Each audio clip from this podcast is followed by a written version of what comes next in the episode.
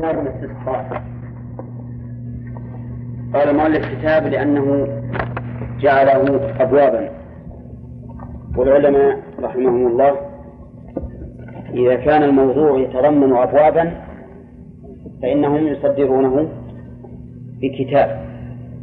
كأنه كأن هذه الأبواب تستحق أن تكون كتابا وحدها.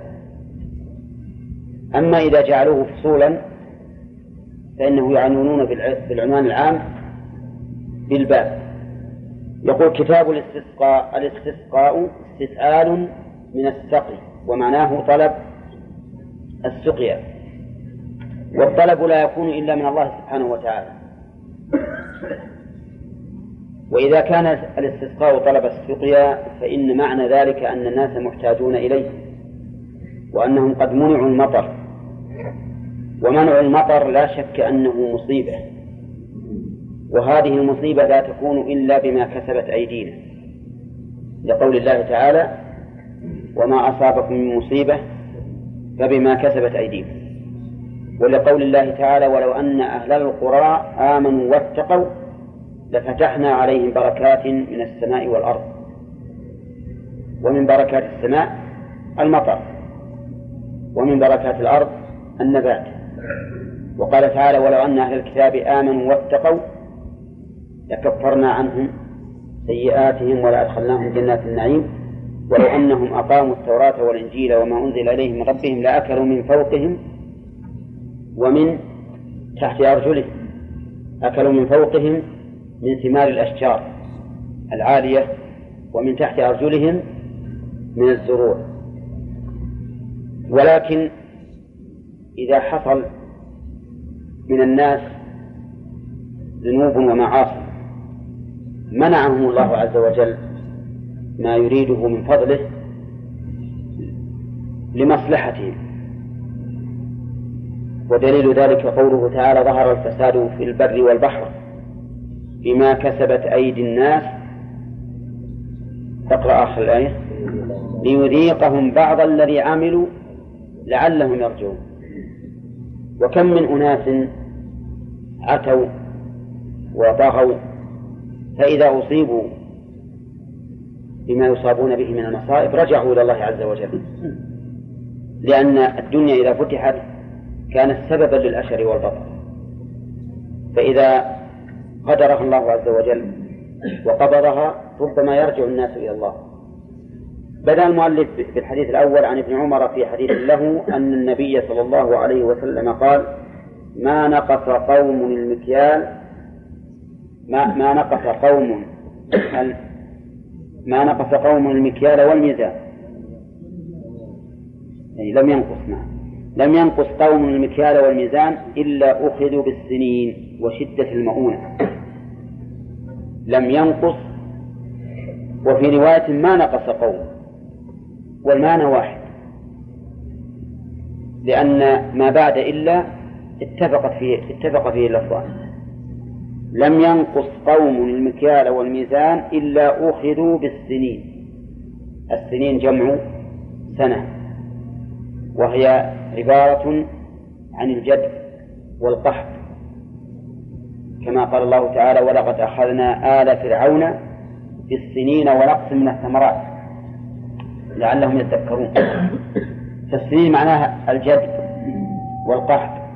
ولهذا دائما نسمع أصابت القوم سنة يعني جدب وقحط. وقوله وشدة المؤونة. المؤونة هي الكلفة من النفقات وغيرها.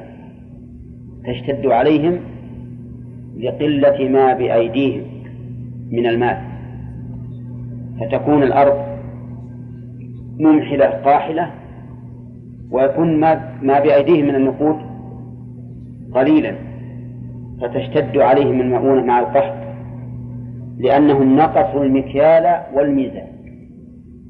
المكيال ما يبيعونه بالكيل والميزان ما يبيعونه بالوزن. ونقص المكيال والميزان له وجهان. الوجه الأول أن يتخذ الإنسان مكيالا ناقصا عن عن المكيال العرفي فيحسب فيحسبه الجاهل مكيالا تام والوجه الثاني أن يتخذ مكيالا لا ينقص عن العرف لكنه ينقص في كيله. فيكون كمن قال الله فيهم إذا اكتالوا على الناس يستوفون وإذا كالوهم أو وزنوهم يخسرون. وإنما يبتلون بالسنين وشدة المؤونة لأنهم لما نقصوا عباد الله حقوقهم ابتلوا بأن نقص الله تعالى معيشتهم من السنين وشدة المؤونة. وقال وجور السلطان عليهم وجور السلطان عليهم يعني أن يظلمهم ويجور عليهم. فهذه ثلاث عقوبات في من نقص المكيال والميزان. العقوبة الأولى السنين والثانية شدة المؤونة والثالثة جور السلطان وظلمه. وجور السلطان وظلمه على وجهين أيضا. فتارة يظلم بالعدوان. فيعتدي على الناس بأخذ أموالهم وضرب أبشارهم وغير ذلك. وتارة يكون الجور بنقص الحقوق بمعنى أنه لا يقوم بما يجب عليه من الوفاء للرعية وهذا لا شك أنه جور يستأثر عليهم ويمنعهم حقوقهم. يقول ولم يمنعوا زكاة أموالهم إلا منعوا القطر من السماء. هذا الشاهد من الحديث. لم يمنعوا الزكاة إلا منعوا القطر من السماء.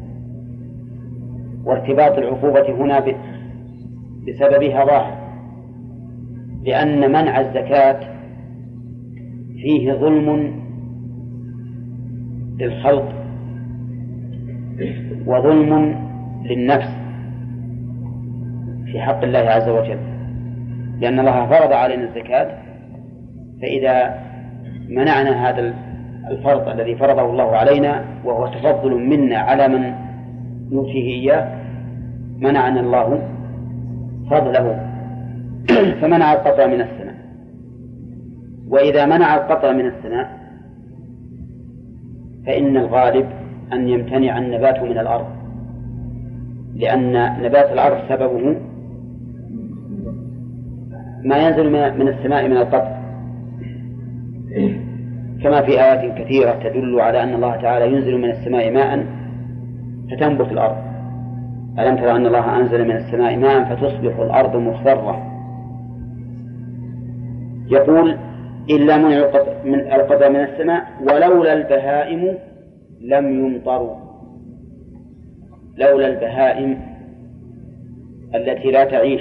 إلا على نبات الأرض لم يمطروا ولكن الله يرحمهم بسبب البهائم فيمطرون.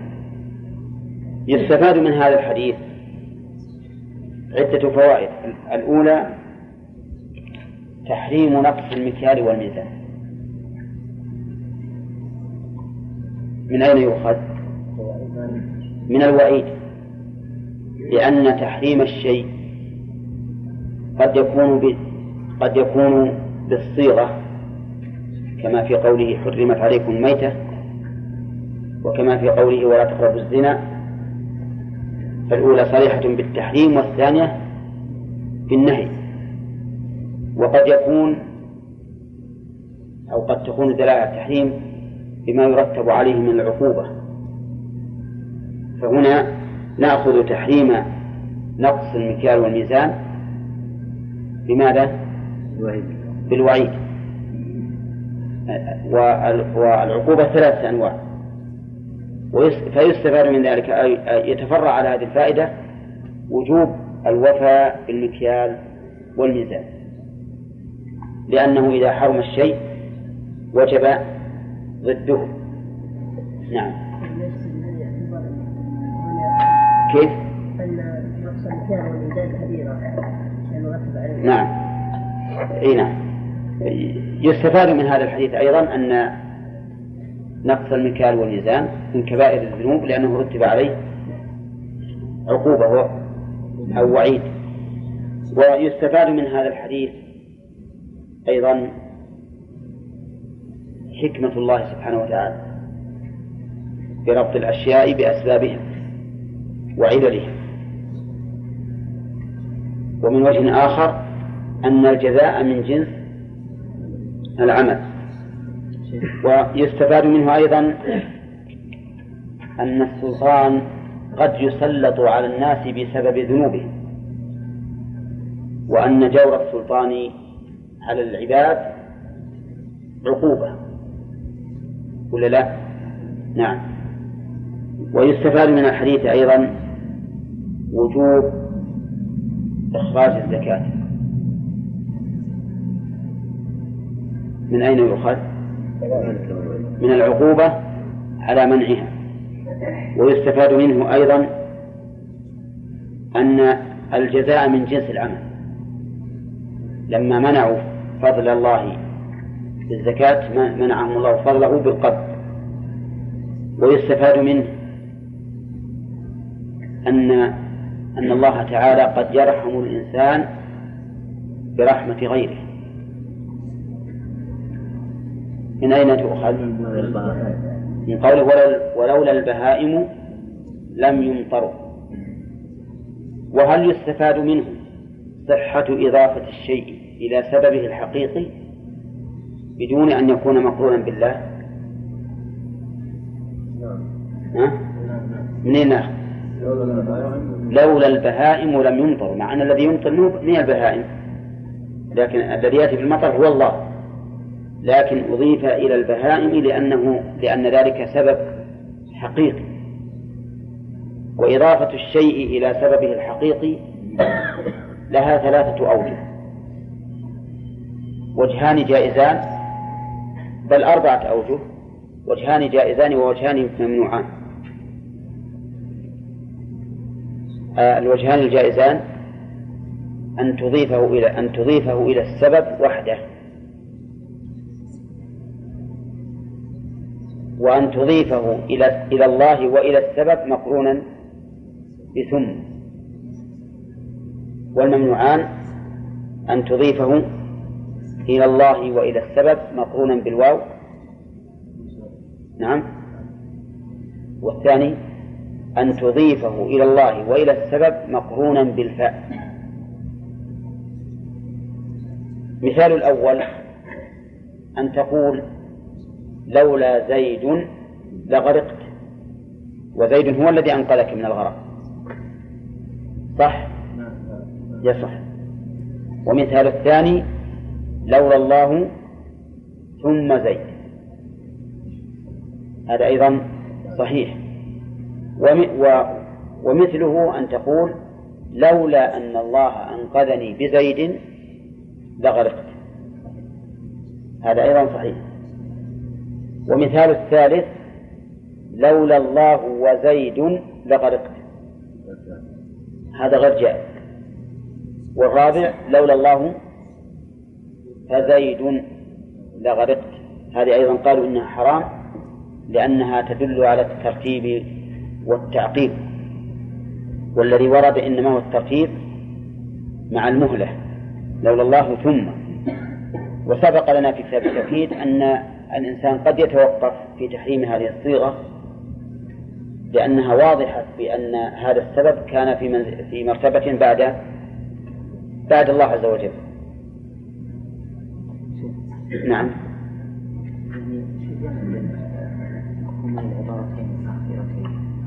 العبارة الأولى ولا ولم يمنعوا يكاسم عليهم لم يمنعوا نعم. معناه أنهم يمنعون ولا يأتي نعم. والعبارة الثانية ولولا البهاء المفروق مفهومها أنهم يمطرون لكن بسبب غيره نعم. يقال إن قوله إلا منع قطع يعني استحقوا منعه. استحقوا منعه. وقد يكون السبب اللي هو البهائم قد لا يؤثر. قد يمنعه الله عز وجل. ولا يكون فيه مراعاة للبهائم. لكن لو قال يعني هذا جواب عن إيراد لو قال قائل إن الناس قد يمنعون زكاة أموالهم ثم يمطرون ثم يمطرون فكيف يكون ذلك؟ يقال إنهم أمطروا بسبب البهائم. لكن هذا هذا قتل هذا مطر ما في ما بين لا ما في ما, في قتل لأن القتل من السماء هو هو المطر وعن عائشة. نعم. وإهلاك. أما هذا فهي عقوبتهم بشيء يبقون معه. يعني إذا لم ينزل المطر هل الناس يموتون؟ ها؟ نعم ولا لا؟ لا. لا. ما يموتون. يمكن يموتون بعد بعد ما يجوعون ولا يصير شيء يأكلون يمكن. لكن ما ترك عليها من دابة بمعنى أهلكهم عن آخره. إهلاكا أما هذه عقوبات يمكن أن يبقى المعاقب مع وجودها. وعن عائشة رضي الله عنها قالت شكى الناس إلى رسول الله صلى الله عليه وسلم قحوط المطر. شكى يعني رفعوا الشكاية. والشكاية هي إخبار الغير بما أصيب به الإنسان ليزيله. هذه الشكاية. ولهذا لا تشكو إلا لمن كان قادرا على رفع المصيبة عنك. أما أن تشكو إلى من لا من لا يكون قادرا فهذا عبث. شكى الناس إلى رسول الله صلى الله عليه وسلم قحوط المطر وليس المراد أنهم شكوا الله. لا. الصحابة رضي الله عنهم أعظم آه، إجلالا لله عز وجل من أن يشكوا الله. لكن رفعوا إليه هذا الأمر من أجل أن يسعى بدعاء الله لهم يقول فأمر بمنبر فوضع له في المصلى. في المصلى يعني إما مصلى العيد وإما مصلى الجنائز لأن في المدينة مصليان. أو لأن في المدينة مصليين أحدهما مصلى العيد والثاني مصلى الجنائز والظاهر أنه مصلى العيد. والمنبر هو الشيء المرتفع لأنه مأخوذ من النبر فوضع له في المصلى. ودعا الناس يوما ووعد الناس يوما يخرجون فيه. قالت عائشة رضي الله عنها فخرج النبي فخرج رسول الله صلى الله عليه وسلم حين بدا حاجب الشمس. فقعد على المنبر إلى آخره. خرج النبي صلى الله عليه وسلم حين بدا حاجب الشمس. بدا بمعنى ظهر. وما هو حاجب الشمس؟ حاجب الشمس يقولون إنه هو الضوء. ضوءها. وليس هو القرص. ولكن الإنسان الذي يتتبع مثل هذه العبارة يجد أن الحاجب يطلق على الضوء لأن الضوء يحجبها. ويطلق أيضا على نفس القرص. يقول حين ف... فقعد على المنبر. فكبر وحمد الله عز وجل. ثم قال إنكم شكوتم جدب دياركم واستئخار المطر عن إبان زمانه عنكم وقد أمركم الله تعالى عز وقد أمركم الله عز وجل أن تدعوه ووعدكم أن يستجيب لكم. قرر النبي عليه الصلاة والسلام هذا لأجل أن يكونوا مستعدين للدعاء. فقال أنتم الذين أحسستم بهذا بهذا الألم. شكوتم جدب دياركم. والجدب هو خلو الأرض من النبات. وقوله استئخار المطر عن إبان زمانه. معنى إبان؟ أي وقت. وقت زمانه. ومعروف أن هذه الجزيرة يكون المطر له المطر فيها له موسم معين. قال وإن الله تعالى وقد أمركم الله عز وجل أن تدعوه ولا أن تدعوه؟ ها؟ تدعوه. فالواو إذن مهم من الفعل. الواو ضمير الجمع. لكن لو أخاطب واحدا أقول وعدك وأمرك الله أن تدعوه تكون الواو من الفعل. وقول أمركم الله أن تدعوه في قوله تعالى وقال ربكم ادعوني أستجب لكم ووعدكم أن يستجيب لكم. ثم قال الحمد لله رب العالمين الرحمن الرحيم مالك يوم الدين. ابتدأ الخطبة بهذا بهذا الحمد والثناء والتمجيد لله عز وجل. الحمد لله حمد. الرحمن الرحيم ثناء. مالك يوم الدين تمجيد. كما جاء في الحديث الصحيح حديث أبي هريرة أن الله تعالى يقول قسمت الصلاة بيني وبين عبدي نصفين. فإذا قال الحمد لله رب العالمين قال الله حمدني عبدي وإذا قال الرحمن الرحيم قال أثنى علي عبدي وإذا قال مالك يوم الدين قال مجدني عبدي ثم قال النبي عليه الصلاة والسلام لا إله إلا الله يفعل ما يريد. هذه الكلمة لا إله إلا الله. يحتاج الإنسان إلى أن يعرفها إعرابا ومعنى. أما الإعراب فنقول إن لا نافية للجنس. وإله اسمها مبني على الفتح في محل نصب. وخبرها محذوف. فقدره بعضهم بموجود. يعني لا إله موجود إلا الله. وقدرها بعضهم بحق.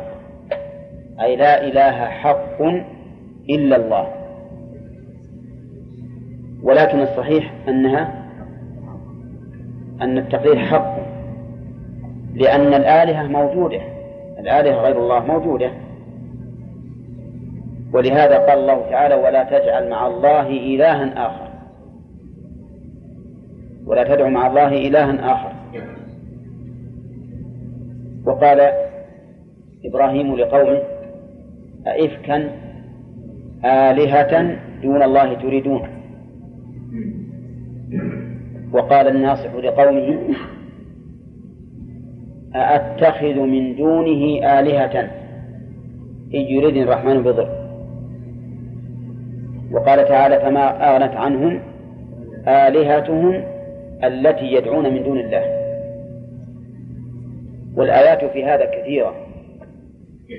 تثبت أن هناك آلهة دون الله عز وجل. ولكن قد يقول القائل كيف تجمع بين هذا وبين قول الرسل لقومهم اعبدوا الله ما لكم من إله غيره؟ فنفوا أن يكون هناك إله. فلا بد أن نعرف الجمع بين الإثبات والنفي. فما هو الجمع؟ أن نقول إن النفي ما لكم من إله غيره أي من إله حق. ما لكم من إله حق غير الله. فتكون هذه الآلهة موجودة ولا بد ولكنها ليست ليست حقا. ويدل لهذا الجمع قوله تعالى ذلك بأن الله هو الحق وأن ما يدعون من دونه هو الباطل. والقراءة والآية الثانية ذلك بأن الله هو الحق وأن ما يدعون من دونه الباطل. فنقول إن النفي والإثبات لم يردا على شيء واحد حتى نقول إن هناك تناقضا. فالنفي نفي للإله الحق والإثبات نفي إثبات لما يتأله إليه ويعبد سواء كان ذلك حقا أم باطلا. اتضح المعنى الآن؟ طيب أما الذين قالوا إن التقديم لا إله موجود إلا الله فإنه يجب أن يكون أن يقدروا لا إله أي لا إله يستحق العبادة. موجود إلا الله. فإذا جعلوا إله موصوفا بوصف محذوف صار تقديره موجود. صحيحا ولا باطلا؟ أي نعم. إذا قالوا إن المعنى لا إله يستحق العبادة. نقول إذا قدرتموها بموجود قبلنا كلامكم. أما إذا جعلتم إله على على ظاهرها وأن المعنى لا يوجد مألوه إلا الله مطلقا فهذا ليس بصحيح. فيتعين أن يكون التقدير حق. لا إله حق. عرفتم؟ على أي شيء نحمل كلام من يقول لا إله موجود إلا الله. نقول إذا أحسنا الظن بهم قلنا إن الكلام على تقدير صفة محذوفة. وتقديرها كما قلت لا إله يستحق العبادة إلا الله. موجود إلا الله. ولكن الذي يمنع من ذلك أن بعض الناس ولا سيما كثير من المتكلمين. يفسرون الإله بمعنى القادر على الاختراع. فيجعلون فعالا بمعنى فاعل لا بمعنى مفعول. فيقول لا إله إلا الله لا قادر على الاختراع إلا الله. وعلى هذا نبقى في إشكال. في أن نحمل كلامهم على ما يوافق الحق. وتفسيرهم للا إله إلا الله بمعنى لا قادر على الاختراع إلا الله تفسير باطل. لأنه لو كان هذا معناها لكان المشركون مقرين بها. ولا لا؟ لأنهم يعرفون أنه لا يقدر على الاختراع إلا الله عز وجل. ولما جاز للرسول عليه الصلاة والسلام أن يقاتلهم. ولكن معنى لا إله إلا الله أي لا معبود إلا الله عز وجل. وحينئذ لا لا أستطيع أو لا نستطيع أن نقول إن هؤلاء الذين فسروا الذين جعلوا الخبر مقدرا بموجود لا نستطيع أن نقول إن الكلام عندكم على تقدير صفة محذوفة أي لا إله يستحق. الألوهية إلا الله لأنهم يفسرونه بمعنى غير الذي غير الذي نفسره به. فبيننا وبينهم فرق في هذا التفسير. وقد رد شيخ الإسلام رحمه الله في رسالته التدمرية رد على هذا التفسير وبين أنه باطل وأنه لا يدخل الإنسان في التوحيد. إذا فسرنا بمعنى لا إله إلا الله أي لا قادر على الاختراع إلا الله. فإن قلت هل إله تأتي بمعنى المفعول؟ فالجواب نعم. كلمة فعال تأتي بمعنى المفعول في اللغة العربية. مثل الغراس والبناء والفراش والغطاء والوطاء وما أشبهه. نعم فهذا إله بمعنى مألوف. فيتعين أن يكون التقدير أي تقدير الخبر لا إله حق إلا الله. طيب الله بالرفع الله بالرفع إيش محله من الإعراب؟ بدل.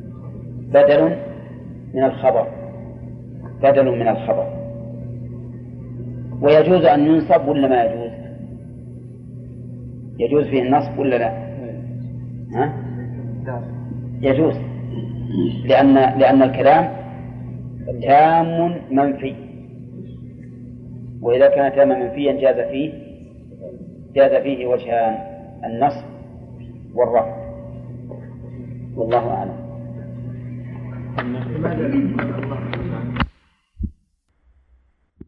والصلاة والسلام على نبينا محمد وعلى آله وأصحابه أجمعين. سبق لنا أن من أسباب القحط منع الزكاة.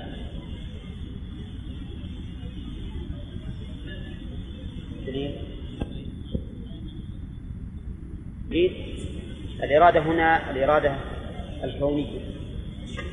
الإرادة الكونية فما أراده الله سبحانه وتعالى فلا بد أن يفعله. ما أراده كونا فعله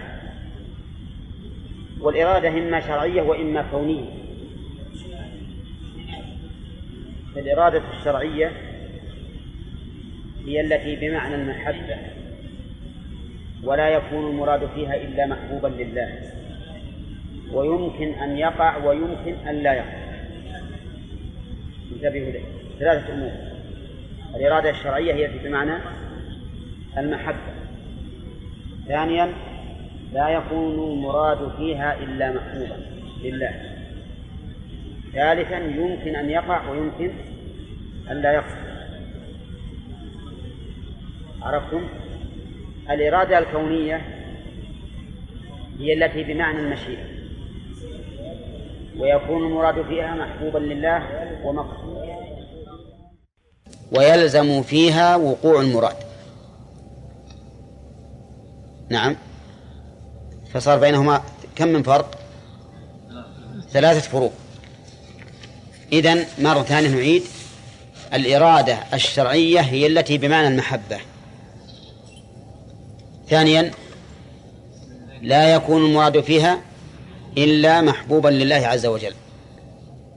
ثالثا قد يقع المراد وقد لا يقع.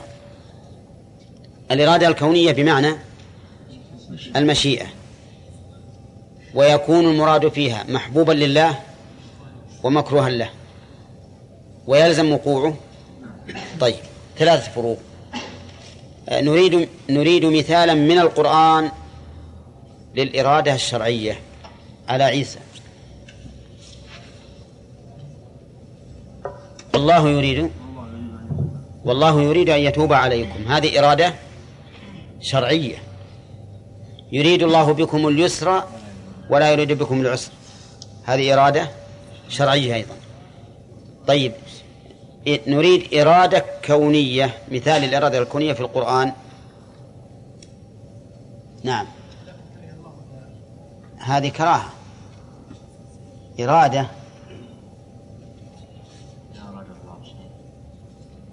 إنما أمره. إذا أراد شيئا. أن يقول له كن فيكون. هذه إرادة كونية. ما تكون. لأن الله تعالى يريد شيئا شرعا. كل ما أحب فهو يريده مع ذلك ما يقول له كن. طيب ومثله قوله تعالى إن كان الله يريد أن يغويكم. الإرادة هنا؟ كونية. لأنه ما يمكن سبحانه وتعالى يريد شرعا أن يغوي العباد. بل إنه تعالى بين للعباد غاية البيان وأمرهم بالشرع طيب يا أخوان عاد نريد أمثلة للواقع من هذه الإرادات. مثلا إيمان أبي بكر رضي الله عنه مراد لله لا شك. لكن هل هو بالإرادة الكونية أو بالإرادة الشرعية؟ بهما جميعا. طيب ما الذي أدرانا أنه مراد شرعا؟ لأنه محبوب إلى الله. وما الذي أدرانا أنه مراد كونا؟ لأنه واقع. فإيمان المؤمن إيمان المؤمن سواء أبو بكر ولا غيره. إيمان المؤمن ها اجتمعت فيه الإرادتان الكونية والشرعية. طيب. إيمان أبي لهب. إيمان أبي لهب.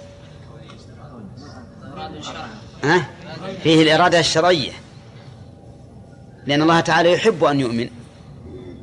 لكن ليست فيه الإرادة الكونية لأن الله تعالى لأنه لم يقع. فعدم وقوع إيمان أبي لهب دليل على أن الله تعالى لم يرده كونا. طيب. كفر أبي لهب. فيه الإرادة الكونية فقط. فيه الإرادة الكونية فقط. واضح؟ أولى كفر أبي لهب فيه الإرادة الكونية. وش الدليل؟ ما الذي يدلنا على أنه مراد كونا؟ لأنه وقع. واضح؟ وما الذي يدلنا على أنه لم يرد شرعا؟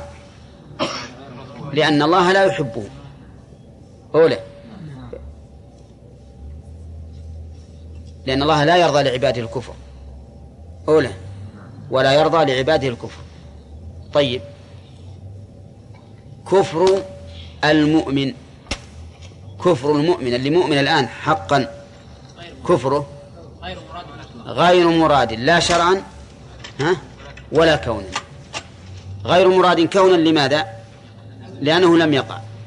الرجل مؤمن ولو أراد الله أن يكفر لكفر. غير مراد شرعا أيضا لأن الله لا يحبه. واضح؟ طيب هنا ها؟ نعم. إذا ارتد المؤمن يكون يكون تكون ردته مرادة كونا لا شرعا.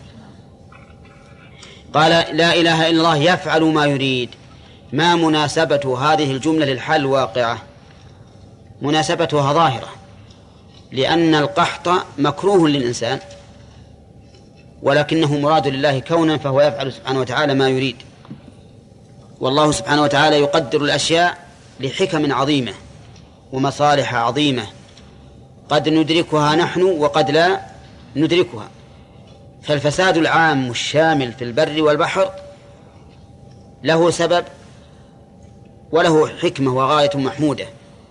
ما سببه؟ بما كسبت أيدي الناس. والحكمة والغاية منه ليذيقهم بعض الذي عملوا لعلهم يرجعون. فالله تعالى يفعل ما يريد لكن أفعاله سبحانه وتعالى كلها مقرونة بالحكمة. ثم قال النبي عليه الصلاة والسلام اللهم أنت الله لا إله إلا أنت. هذا من باب التوسل إلى الله تعالى. بماذا؟ بصفاته. لن توسل الله بأنه بانفراده بالألوهية. أنت الغني ونحن الفقراء. توسل بماذا؟ بصفات الله وبحال الداعي. أنت الغني هذا من صفات الله. ونحن الفقراء هذه حال الداعي. أنت الغني ونحن الفقراء. أنزل علينا الغيث أي المطر. وسمي المطر غيثا لأنه تزول به الشدة. واجعل ما أنزلت لنا قوة وبلاغا إلى حين. اجعل ما أنزلت لنا قوة. القوة ضد الضعف. يعني نتقوى به في أموالنا وفي أحوالنا. وبلاغا إلى حين البلاغ ما يبلغ به الإنسان حاجته. ومنه قول الملك الذي بعثه الله تعالى إلى الثلاثة الأقرع والأبرص والأعمى. قال لا بلاغ لي اليوم إلا بالله ثم بك. فالبلاغ ما يبلغ به الإنسان حاجته. وقوله إلى حين. إلى حين قريب ولا بعيد؟ ها؟ اجعل ما قوة لنا وبلاغا إلى حين. ها؟ يحتمل أنه بعيد أو قريب. الرسول عليه الصلاة والسلام أمر أن الله تعالى ينزل علينا الغيث الذي يكون لنا قوة وبلاغا إلى حين من الوقت. ثم قال ثم رفع يديه فلم يزل في الرفع حتى بدا بياض إبطيه. ورفع يديه بالخطبة هنا لأنه يدعو بالاستسقاء. ولم يزل في الرفع يعني يرفع حتى بدا بياض إبطيه. وبياض الإبطين هنا بياض نسبي. لأن الإبطين بالنسبة إلى ظاهر الكف مثلا بيضاء ولا لا؟ بيضاء لكونها مكتنة عن الهواء وعن الشمس فتكون بيضاء. وليس هنا وليس المراد أن إبطي النبي صلى الله عليه وسلم فيها بياض خارج عن العادة لا. لكن هذا بياض فيما يظهر بياض معتاد. ثم حول إلى الناس ظهره وقلب رداءه وقلب أو حول رداءه وهو رافع يديه ثم أقبل على الناس ونزل فصلى ركعتين. حول إلى الناس ظهره ويلزم من تحويله ظهره إلى الناس أن يكون مستقبل القبلة. فلم يزل نعم. نعم يقول ظهره وقلب أو حول رداءه. هذا شك من الراوي والمعنى واحد. والتحويل هو القلب بأن يجعل اليمين يسارا واليسار يمينا. ثم نزل ثم أقبل على الناس ونزل فصلى ركعتين فأنشأ الله تعالى سحابة فرعدت وبرقت ثم أمطرت بإذن الله. قوله رعدت وبرقت ثم أمطرت معروف المعنى لكن قوله بإذن الله الإذن هنا شرعي ولا قدري؟ ها؟ قدري. وقدري وكوني معناها واحد. والإذن نوعان. إذن شرعي وإذن كوني أو قدري. مثال الإذن الشرعي أم لهم شركاء شرعوا لهم من الدين ما لم يأذن به الله. هذا شرعي ولا بد لأنه كونا قد أذن الله فيه ولهذا وقع لكن لكنه شرعا لم يأذن به. ومنه أيضا قوله تعالى قل آه الله أذن لكم أم على الله تفترون. هذا إذن شرعي. وأما الإذن الكوني فهو كثير. مثل قوله تعالى من ذا الذي يشفع عنده إلا بإذنه. أي أي بإذنه الكوني القدري. يقول فمطرت فأمطرت بإذن الله. فلم يأتي مسجده حتى سالت السيول فلما رأى سرعتهم إلى الكن ضحك حتى بدت نواجذه. ها؟ يقول فلما رأى سرعتهم إلى الكن ما هو الكن؟ الكن هو البيت وسمي بذلك لأن الإنسان يكتن به أن يستتر. وقوله حتى بدت نواجذه النواجذ هي أقصى الأضراس. وقيل إن النواجذ هي الأنياب. فقال أشهد أن الله على كل أن الله تعالى أجاب دعوته. أجاب دعوته بصفته رسولا. وليس كل إجابة دعوة تدل على أن الإنسان رسول. لكن هو رسول عليه الصلاة والسلام. قال إنه رسول الله. فأيده الله تعالى بإجابة الدعوة. وإنما شهد النبي صلى الله عليه وسلم لله بالقدرة وله بالرسالة لأن هذا أمر يجب عليه وعلى غيره. حتى النبي عليه الصلاة والسلام يجب عليه أن يؤمن بأنه رسول الله وأن يشهد بأنه رسول الله. وكان يقول في تشهده أشهد أن لا إله إلا الله وأشهد أن محمدا عبده ورسوله. يقول هكذا ويعلمه الناس.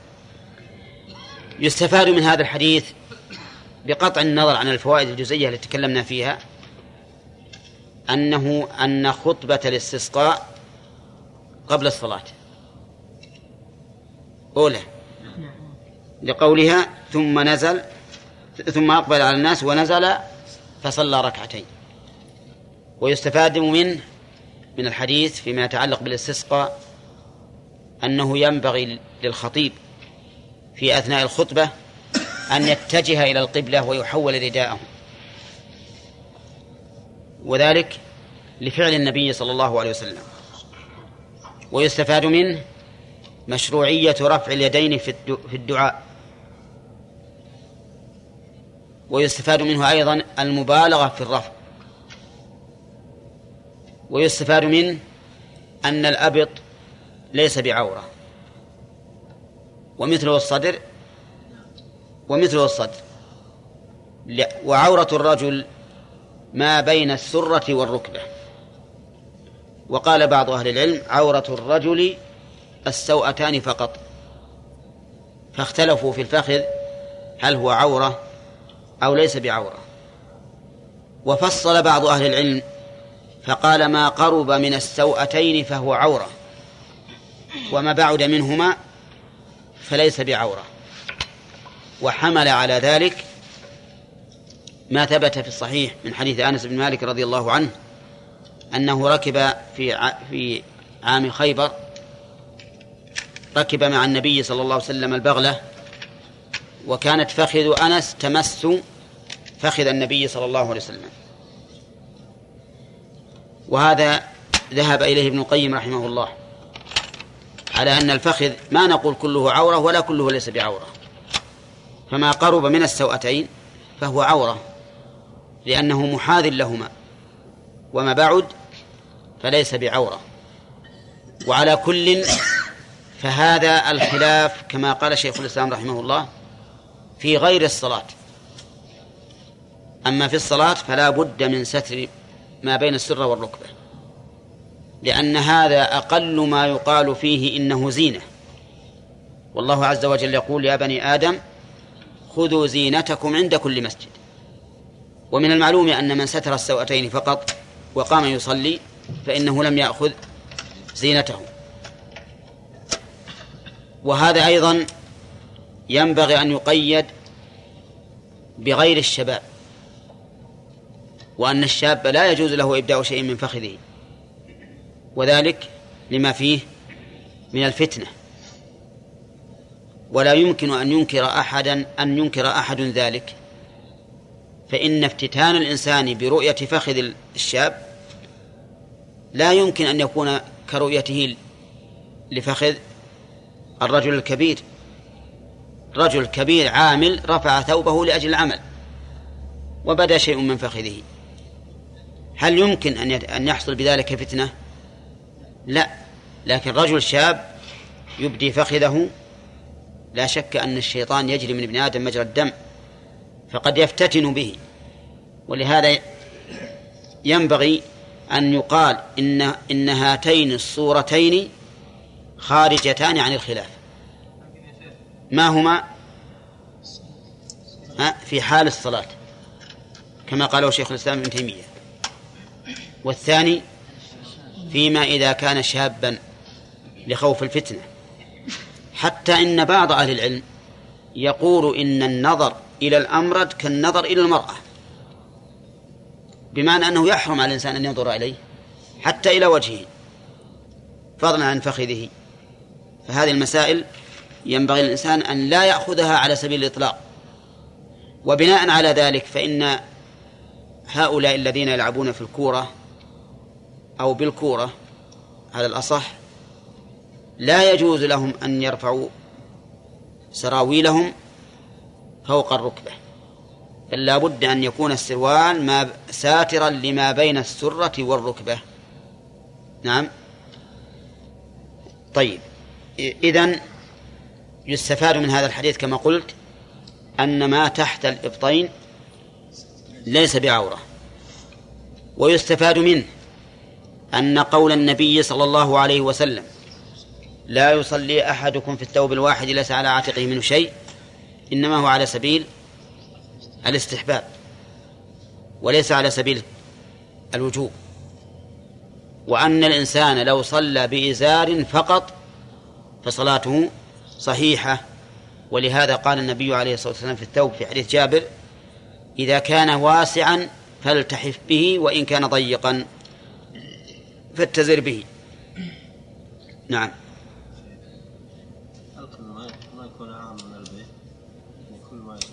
كل ما يكت... نعم كل ما يستكن به. ومنه البيوت. ومن فوائد الحديث التي تتعلق بموضوع الاستسقاء أنه ينبغي للإنسان إذا رأى آية من آيات الله عز وجل أن يحققها بذكر ذلك الوصف المناسب. فهنا نزول المطر بهذه السرعة من آيات الله الدالة على قدرته. فينبغي أن تحققها بالثناء على الله سبحانه وتعالى بذلك الوصف المناسب لهذه الحادثة. ولهذا قالت عائشة لما نزل قوله تعالى قد سمع الله قول التي تجادلك في زوجها وتشتكي الله قالت تبارك الذي وسع سمعه الأصوات. إنني لفي أدنى الحجرة ومع وإنه لا يخفى علي بعض حديثها. وهذا من أجل أن يتطابق القلب واللسان على ثبوت هذه الصفة لله تعالى. ويستفاد من هذا الحديث أيضا فيما يتعلق بالاستسقاء أنه ينبغي الإنسان أن يتوسل في الدعاء بما يناسب المقام. ومنه ذكر حال الداعي لقوله أنت الغني ونحن الفقراء. نعم. عن نعم. لا يستسقى إلا إذا تأخر المطر في وقت أي نعم. إلا يستفاد من هذا. نعم. وهو داخل في ضمن الحديث. يستفاد منه من الحديث أنه لا يستسقى إلا حين يتأخر المطر عن وقت نزوله.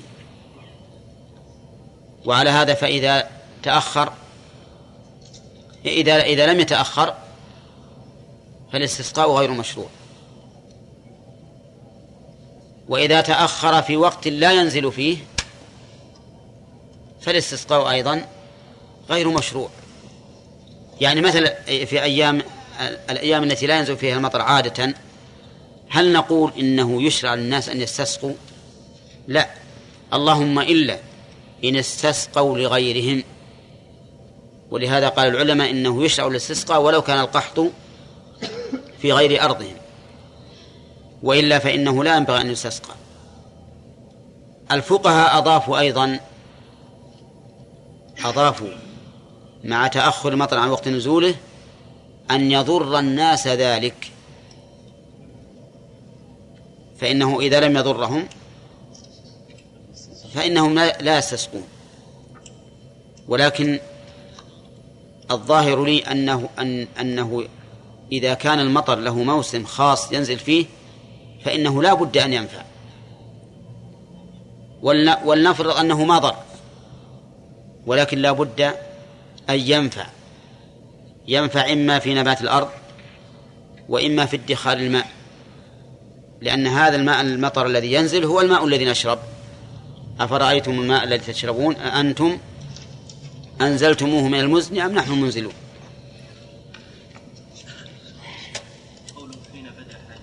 نعم. الاستسقاء؟ نعم. هذا أيضا يفهم منه ويجينا إن شاء الله في صفة صلاة الكسوف أن صلاة الكسوف إنما تفعل في أول النهار. وقد ذكر العلماء أن صلاة الكسوف تشرع في كل وقت إلا في وقت النهي. يعني لو أن الناس تسقوا بعد الظهر أو في الليل أو في أي وقت فإنه جائز. إلا في وقت النهي فإنها لا تجوز لأن وقت النهي لأن هذا السبب لا يت... لا يت... لا يختص بهذا الوقت حتى نقول إنها من ذوات الأسباب. ها؟ لا. لأن الرسول خرج ولا بد أن يكون في خروجه مثلا إلى إلى المصلى مسافة من بيته إلى المصلى. نعم. أي نعم. ألف هذه تدل على الترتيب؟ في كل وقت بحسبه.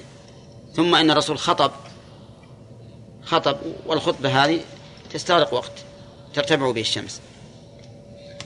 باب صفة صلاة الاستسقاء وجوازها قبل الخطبة وبعدها. هذه الترجمة فيها موضوعان الموضوع الأول صفة صلاة الاستسقاء والموضوع الثاني وقت الصلاة هل هو قبل الخطبة أو بعدها؟ عن أبي هريرة رضي الله عنه قال خرج نبي الله صلى الله عليه وسلم يوما يستسقي. فصلى بنا ركعتين بلا أذان ولا إقامة.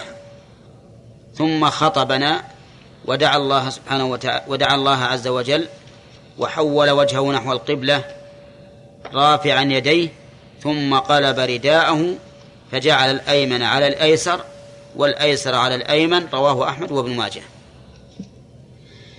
هذا الحديث كما ترون ظاهر أن الرسول عليه الصلاة والسلام بدأ بالصلاة قبل الخطبة وأنه لم يؤذن لها ولم يقم. وأنه خطب ودعا الله وحول رداءه إلى آخره.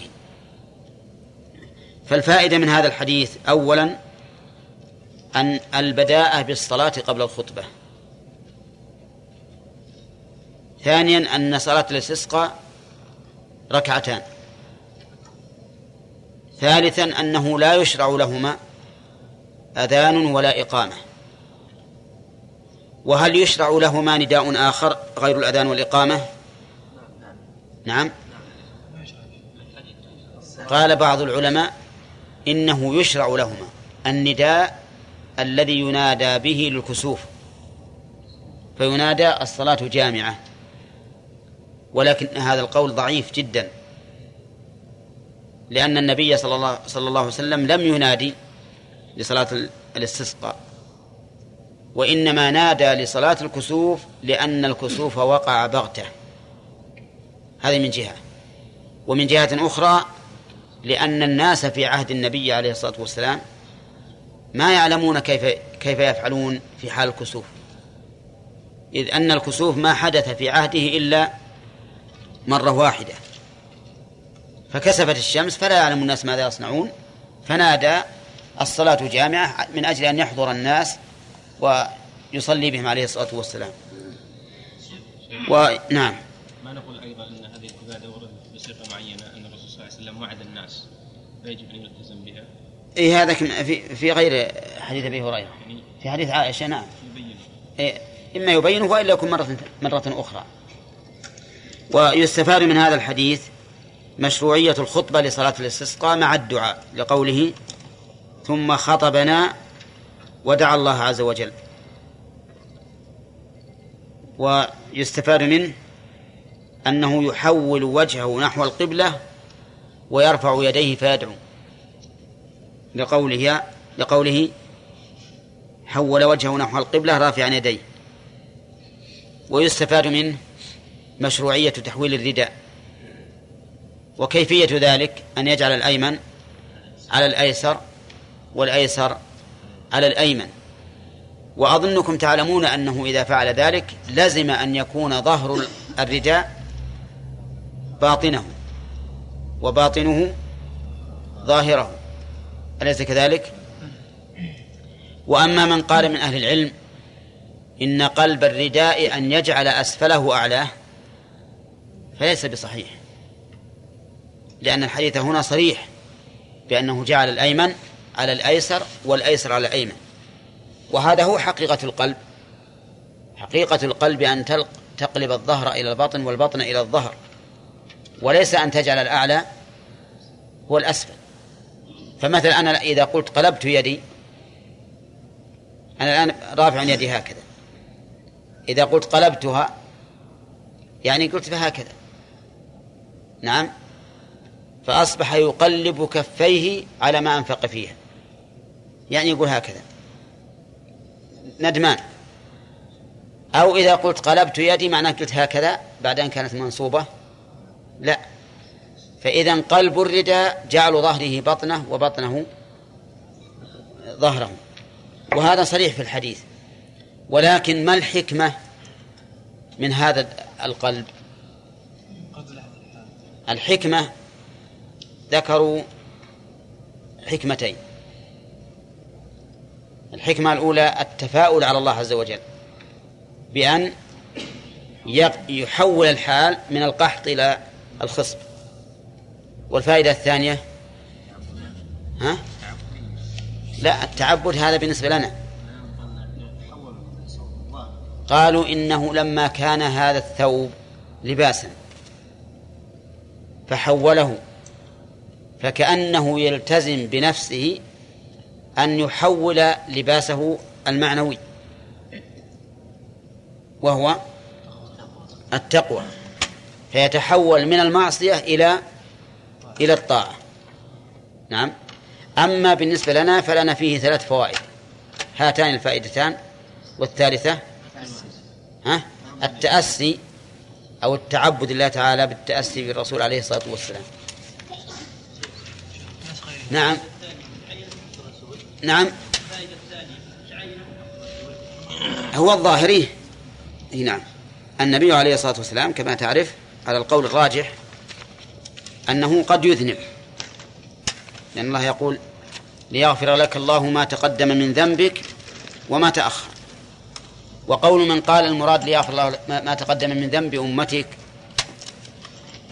ليس بصحيح لأنه خلاف ظاهر اللفظ ولأن الله تعالى قد صرح بأن للنبي صلى الله عليه وسلم ذنبا فقال واستغفر لذنبك وللمؤمنين والمؤمنات. وكان النبي عليه الصلاة والسلام يدعو اللهم اغفر لي ذنبي كله. ها؟ ها؟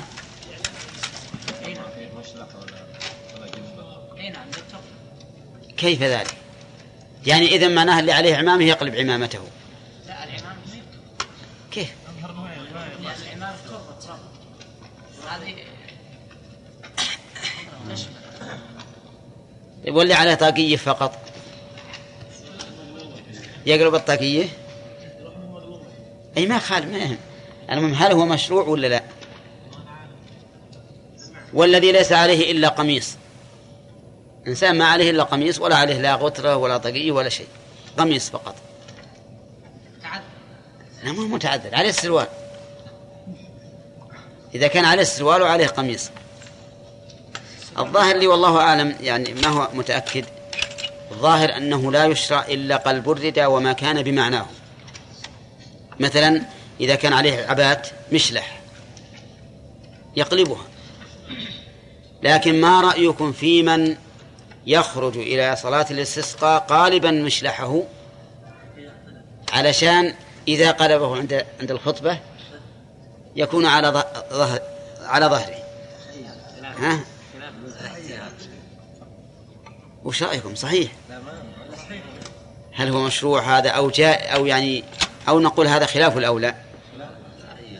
الأولى أنه يكون القلب زي ما عرف له يعني يكون الشيء اللي تقلب معروف من قلبه من عادي أي. إذا قلبته عرف أن قلبه هذا الشيء. أما تقلبه ويصير عادي ما صار قلبته أي صحيح.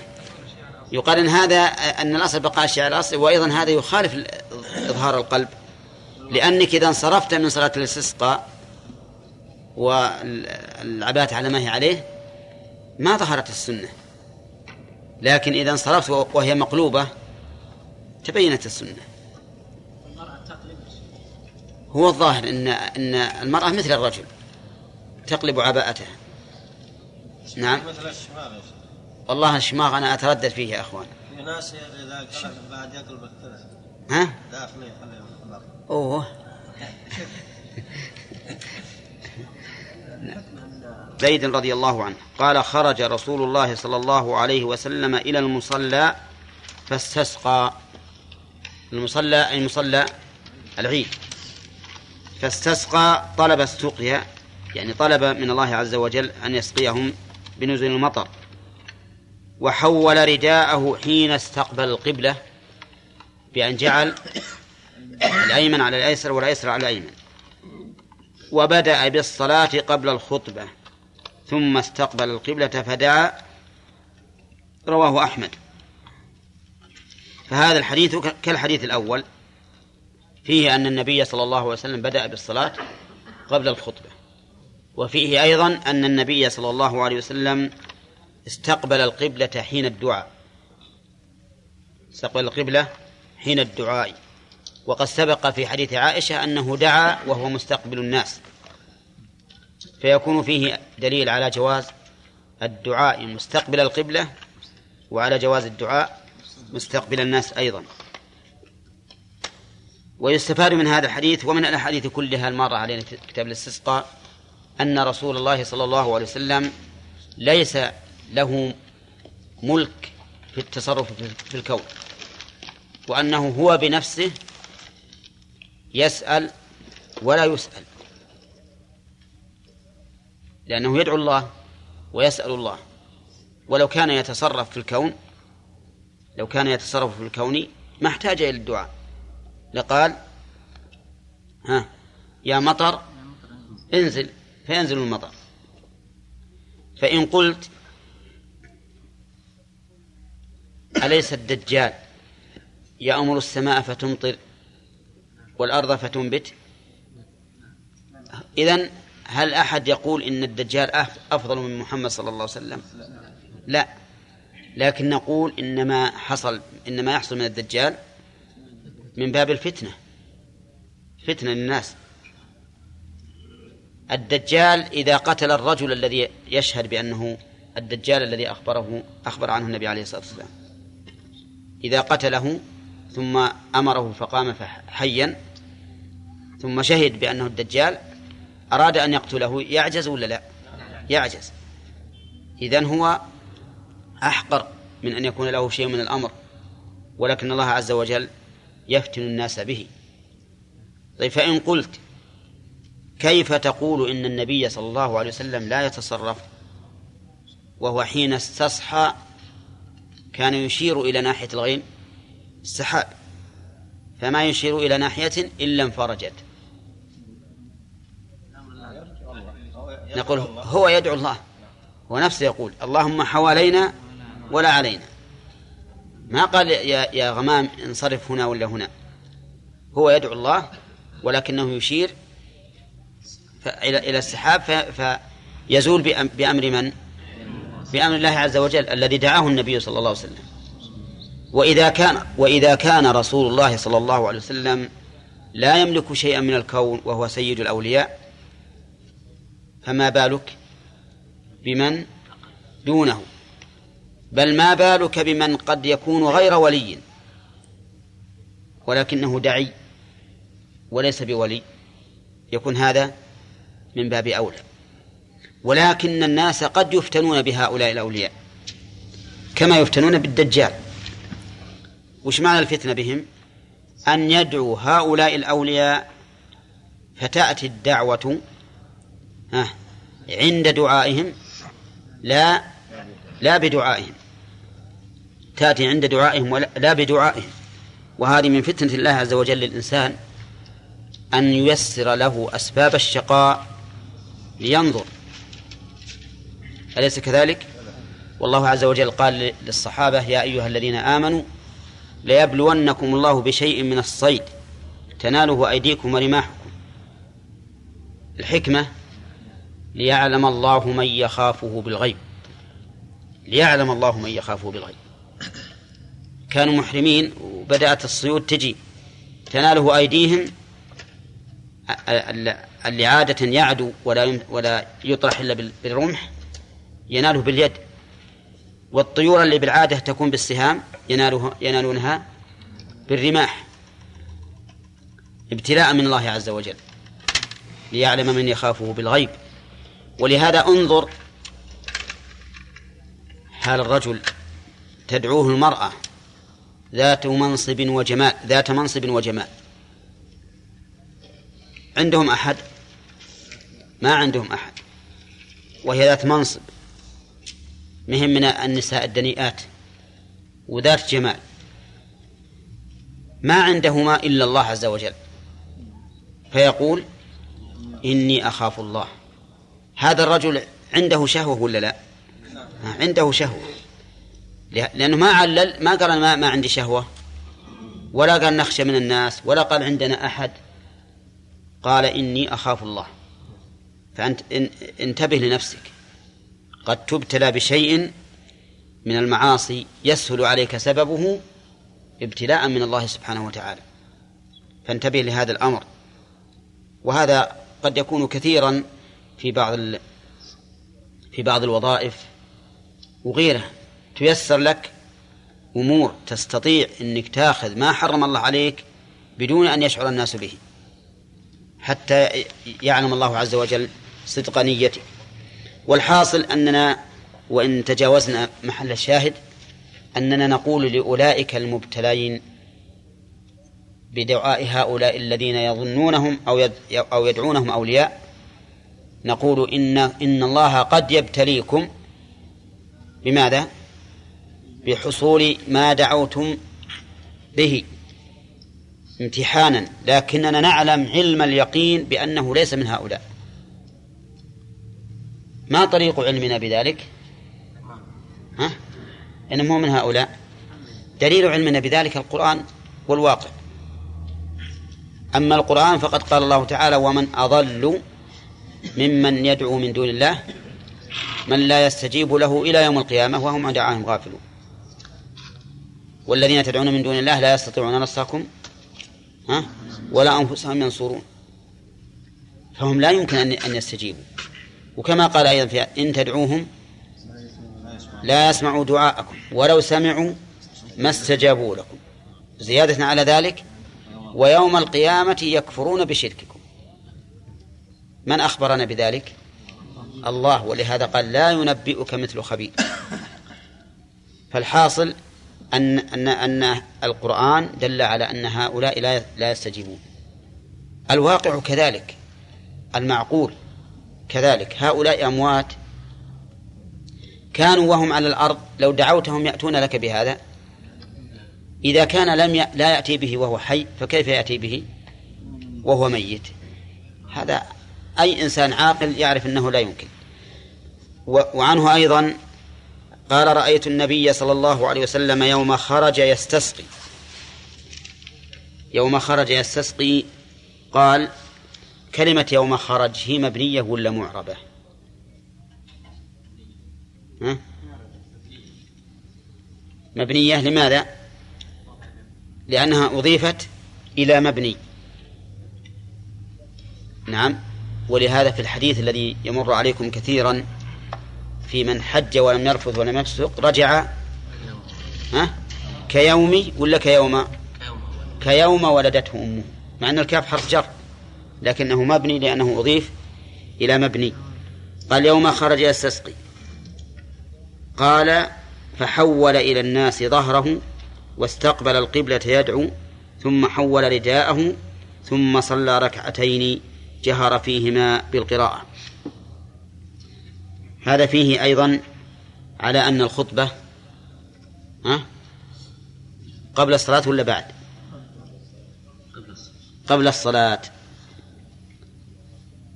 يعني عكس الحديثين السابقين. لأن الحديثين السابقين الخطبة بعد الصلاة. أما هذه فهي قبل.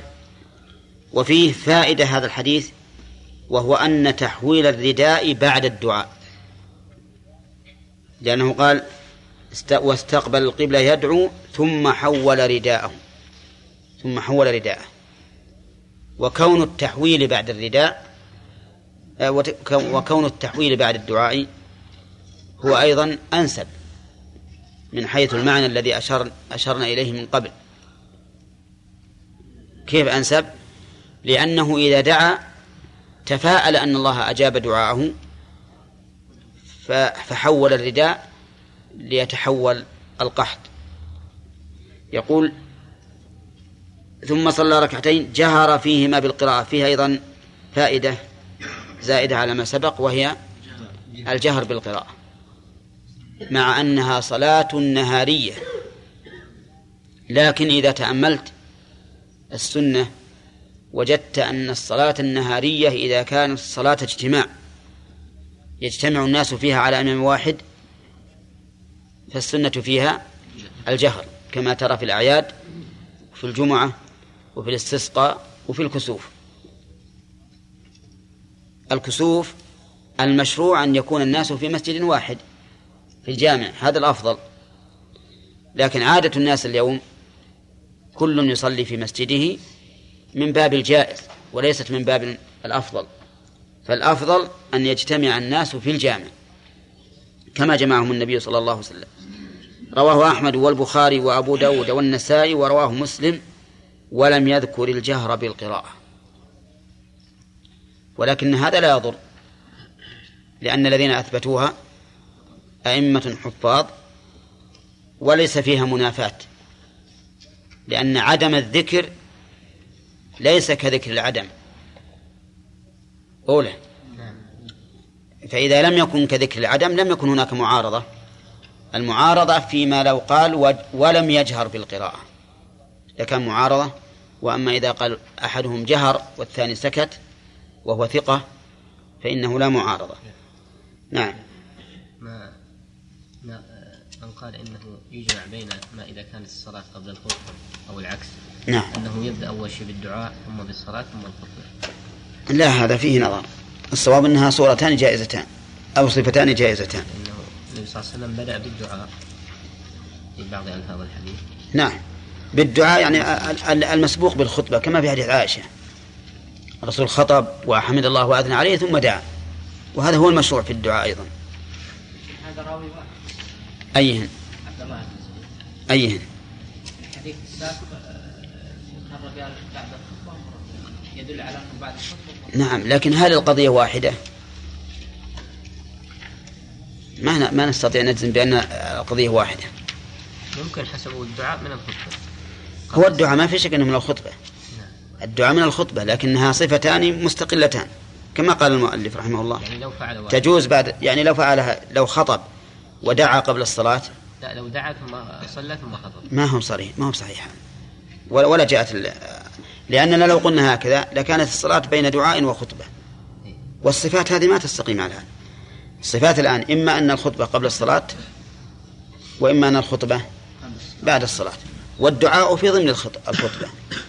فالصواب ما. ما ترجم به المؤلف أن صلاة الاستسقاء تجوز قبل الخطبة وبعدها. نعم. الذي أرى أنه ينبغي أن الإنسان يفعل هذا مرة وهذا مرة. وأنه من باب الصفات المتعددة في, في العبادات. إذا كانت من باب الصفات المتعددة في العبادات ما حاجة نقول الأفضل. نقول الأفضل أن تأتي بهذا مرة وبهذا مرة. أما الفقهاء فإنهم يرجحون أن الصلاة قبل الخطبة. طيب الحديث هذه يعني ما يصح اللي جعلت الخطبة. عباس رضي الله عنهما وسئل عن الصلاة في الاستسقاء فقال قول وسئل الجملة هذه حالية ولهذا تقدر بقد. يعني وعن ابن عباس وقد سئل عن الصلاة في الاستسقاء فقال خرج رسول الله صلى الله عليه وسلم متواضعا متبذلا متخشعا متضرعا فصلى ركعتين كما يصلي في العيد. لم يخطب خطبتكم هذه رواه أحمد والنسائي وابن ماجه. سئل فكان هذا جوابه جوابه رحمه رضي الله عنه خرج متواضعا. وش معنى متواضعا؟ الرسول عليه الصلاة والسلام لم يزل متواضعا. وهو أعظم الناس تواضعا للحق وللخلق. فليست هذه صفة متجددة ولكن المعنى أنه يظهر عليه أثر التواضع بهيئته ومشيته. متبذلا في لباسه لم يتجمل ومتخشعا متخشعا الخشوع محله إيش؟ القلب يعني أنه في قلبه متخشع ولكن ما نعلم عن صفة القلب إلا بما يظهر من الجوارح ولهذا يروى عن عمر رضي الله عنه أنه رأى مصليا يعبث بلحيته فقال لو خشع قلب هذا لخشعت جوارحه. وهذا صحيح أن خشوع الظاهر يدل على خشوع الباطن. قال متضرعا. وش معنى التضرع؟ ها؟ أصل التضرع بمعنى الدعاء. فلولا إذ جاءهم بأسنا تضرعوا ولكن قست قلوبكم لكنه تضرع بذل يعني دعاء بذل فيظهر الإنسان المتضرع الذي يدعو بذل ويعرف ذلك من كثرة دعائه وبكائه وما أشبه هذا. قال فصلى ركعتين كما يصلي في العيد. قول صلى ركعتين هذا العدد. كما يصلي هذه الصفة والهيئة. نعم. فعلى هذا يكون فيها تكبيرات زوائد ولا لا؟ ها؟ يكون فيها تكبيرات زوائد. لم يخطب خطبتكم هذه رواه أحمد والنسائي وابن ماجه. خطبتهم هذه هل نحن الآن نعلمها؟ لكن نعلم أنها مخالفة لخطبة النبي عليه الصلاة والسلام. ولا لا؟ لأنه أثبت آه، ابن عباس أثبت للرسول عليه عليه الصلاة والسلام خطبة حيث قال لم يخطب خطبتكم هذه. فأصل الخطبة موجود لكن كونها على صفة خطبة أولئك الأمراء في عهده ليست كذلك. ولا نعلم صفة هذه بالتحديد. ولكن نعلم أنها مخالفة لما كان عليه النبي صلى الله عليه وسلم. ولعلهم يأتون بأشياء إما فيها مبالغة وإلا فيها سجع وإلا ما تدل على تضرع الداعي وخشوعه وإنابته إلى الله. وفي رواية خرج متبذلا متواضعا متضرعا حتى أتى المصلى فرقى فرقي فرقي المنبر. ولم يخطب خطبتكم هذه. أفاد هذا الحديث وحديث عائشة السابق أن النبي صلى الله عليه وسلم خطب في الاستسقاء على منبر. وهل هو في العيد يخطب على منبر؟ لما أخرج مروان المنبر لصلاة العيد أنكروا عليه. ولكن المراد بالمنبر فيما يظهر والله أعلم أنه الشيء المرتفع كحجر ونحوه. لأن أصل المنبر مأخوذ منين؟ من النبرة وهي الشيء المرتفع. واستدل بعض العلماء بأن النبي عليه الصلاة والسلام خطب العيد على منبر بأن في بعض ألفاظ الحديث. ثم نزل حتى أتى النساء. ثم نزل حتى أتى النساء. فإن النزول لا يكون إلا من إلا من أعلى. ويقال أيضا إذا كان الرسول صلى الله عليه وسلم خطب في الاستسقاء على منبر فالظاهر أن العيد كذلك لأنها كلها صلاة في الصحراء وإذا كان الاستسقاء يشرع على المنبر فكذلك العيد. ولكن لم يزل في الدعاء والتضرع والتكبير عندكم؟ والتكبير ثم صلى ركعتين رواه أبو داود وكذلك النسائي والترمذي وصححه لكن قال وصلى ركعتين. ولم يذكر الترمذي رقي المنبر. في هذا الحديث زيادة على ما سبق أنه يشرع التكبير في خطبة الاستسقاء. وفيه أيضا قال رواه أبو داود وكذلك النسائي والترمذي وصححه. لماذا فصل المؤلف؟ قال وكذلك. كذلك النسائي. ما قال رواه أبو داود والنسائي والترمذي وصححه؟ لأن آه لأن نعم. رواية النسائي والترمذي فيها استدراك استثناء. وهي قوله لكن قال وصلى ركعتين. والفرق بين روايتهما ورواية أبي داود أن رواية أبي داود صريحة في أن الصلاة ها عقب الخطبة لأنه قال ثم وهذه قال وصلى ركعتين بالواو والواو لا تقتضي الترتيب الواو لا تقتضي الترتيب أولا والدليل على أنها لا تقتضي الترتيب إنكار النبي صلى الله عليه وسلم على الذي قال له ما شاء الله وشئت. فقال أجعلتني لله ندا. ولو كانت تقتضي الترتيب لكان لكان مشيئة الله مقدمة على مشيئة هذا المخ... على مشيئة النبي صلى الله صلى الله عليه وسلم. فلا يكون في ذلك تشريك. والعلماء أيضا نصوا على أن الواو لا تقتضي الترتيب. نعم. ولكنها لا تقتضي الترتيب. نعم. الواو لا تقتضي الترتيب. لكنها لا تنافيه. لا تنافيه بمعنى أنها لا تمنع الترتيب. بل قد تقتضي الترتيب بدليل. تقتضي الترتيب بدليل. ففي قوله تعالى يا أيها الذين آمنوا إذا قمتم إلى الصلاة فاغسلوا وجوهكم وأيديكم إلى المرافق وامسحوا برؤوسكم وأرجلكم إلى الكعبين. هذه الأعضاء مرتبة بالواو. ولا لا؟ وقلنا إن الواو لا تقتضي الترتيب. فلو أن الإنسان توضأ منكسا فبدأ بالرجلين ثم الرأس ثم اليدين ثم الوجه. يصح وضوءه؟ ها؟ إحنا قلنا لا تقتضي لكن لا تنافي الترتيب.